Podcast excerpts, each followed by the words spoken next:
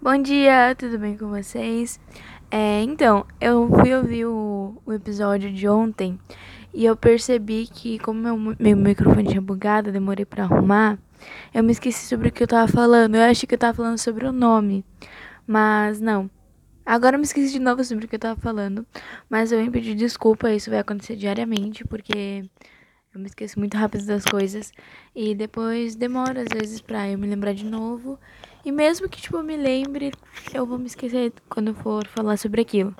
É, então, desculpa por uh, terminar aquela história. Não uma história, era uma história, não sei, uma frase, um texto. não sei.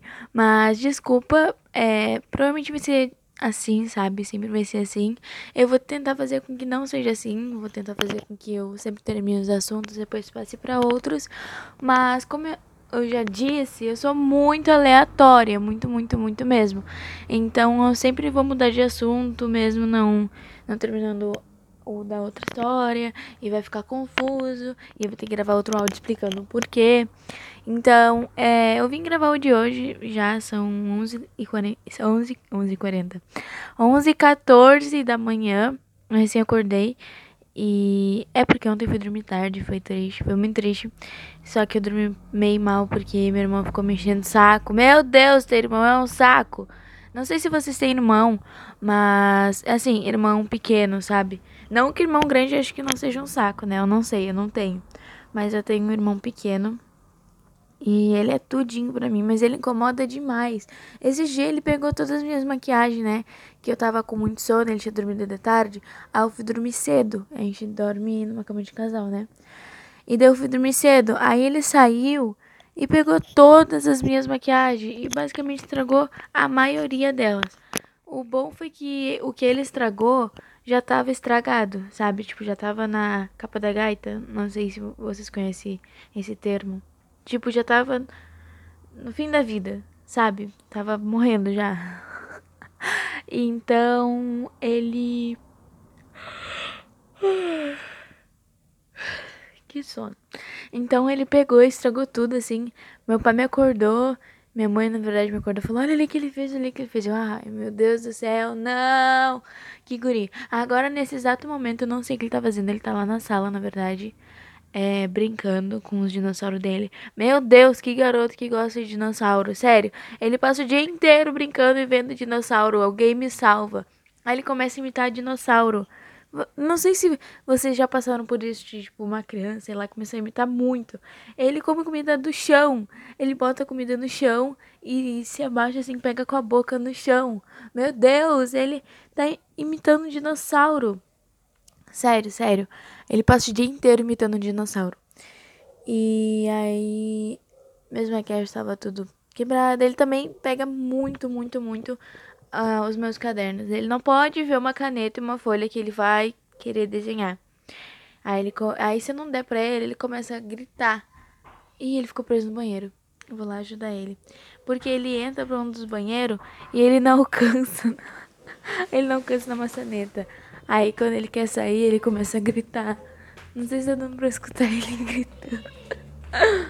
Eu acho que dá pra escutar, não sei. Não sei se dá pra escutar. Francisco! Ficou preso? Achou. Achou. Viu? Ele fica preso no banheiro, porque no banheiro tem um degrauzinho, né? Aí. É, lado de fora ele alcança, mas lá de dentro não. Então sempre que ele entra e fecha a porta, ele se tranca. O que, que foi? Dinossauro. Viu? Dinossauro. Ele só pensa em dinossauro, dinossauro, dinossauro. Eu não aguento mais essa criança. Vou doar, vou vender. Alguém quer comprar? É, tá, tá vendo aí, né? A criança, eu tô vendendo ela. Brincadeira. Nossa, se eu não me engano, isso é, isso é tráfico de criança, não pode. É brincadeira. É brincadeira. Não levem a sério. Nada do que eu falo vocês têm que levar a sério. Sério. Não. Eita, preula. Nada do que eu falo vocês têm que levar a sério, porque eu só falo brincando, tá? Às vezes eu falo a verdade, mas depois falar aqui brincando. Não. É, depende do que eu estiver falando, sabe?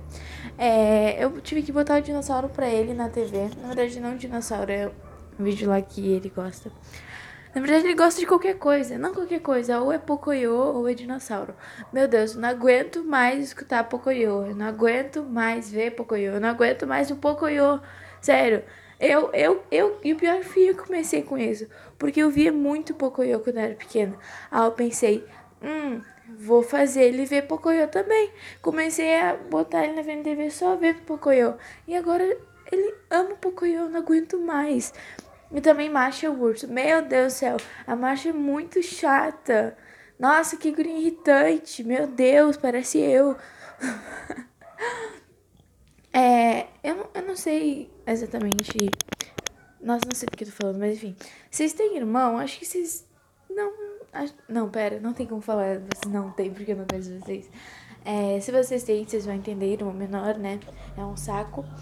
E se você ter uma maior, sei lá, eu nunca tive uma maior, não sei como é. Mas eu tenho várias pessoas que considero minha, meu irmão, minha irmã. Que no caso é meu melhor amigo, Paulo. Ele é super meu irmão. Minha mãe mesmo já disse isso, meu Deus do céu. É, saudade dele. Saudade, saudade, saudade. Faz muito tempo que eu não vejo ele. Vou morrer aqui.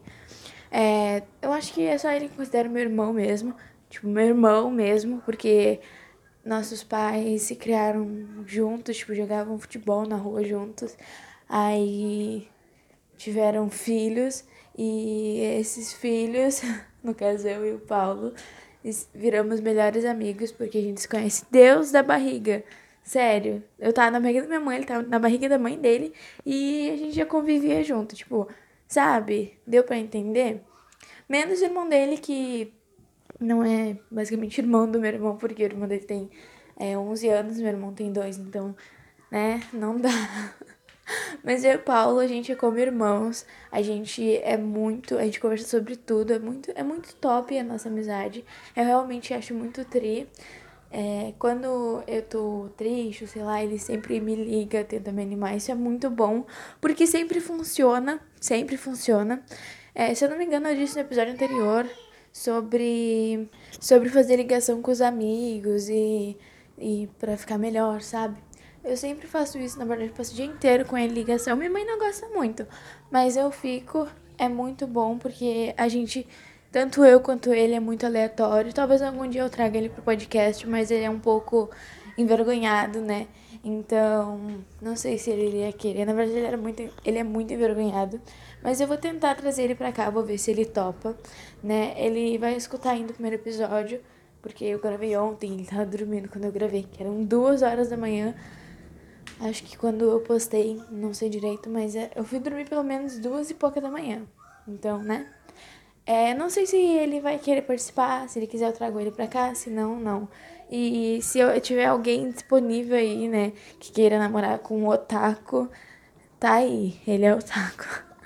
Meu Deus, ele vê muito anime, muito anime. Eu fico tipo, cara, eu queria muito ser dessas de ver anime, sabe? Mas eu não consigo, eu só consigo ver filme de romance e série. Meu Deus, eu não consigo ver anime. Os únicos animes que eu vi foi um que eu fui obrigada a ver, acabei gostando, que foi Dragon Ball Z. É, depois eu comecei a ver Naruto, mas parei de ver Naruto porque, sei lá, era muito chato. Tipo, o clássico tem muita temporada. Aí eu fico, meu Deus, que tédio, sabe? É, eu ia começar a ver o Shippuden, mas eu não entendi direito. Quando eu via Naruto, né? Quando eu via Naruto, meus amigos me davam muito spoiler, muito, muito, muito. Eu ficava tipo, oh, preciso ver Naruto. Eu deu muita vontade de ver Naruto esse dia, porque eu vi um edit do Sasuke do Naruto. E me deu muita vontade de ver Naruto. Só que, né? Né? Várias temporadas, não dá. E também eu vi Nanatsu no Taizai, que, nossa, inclusive é o meu, meu anime favorito. Eu amo muito Nanatsu no Taizai. Tudo em Nanatsu no Taizai é perfeito. Sério, eu acho tudo perfeito.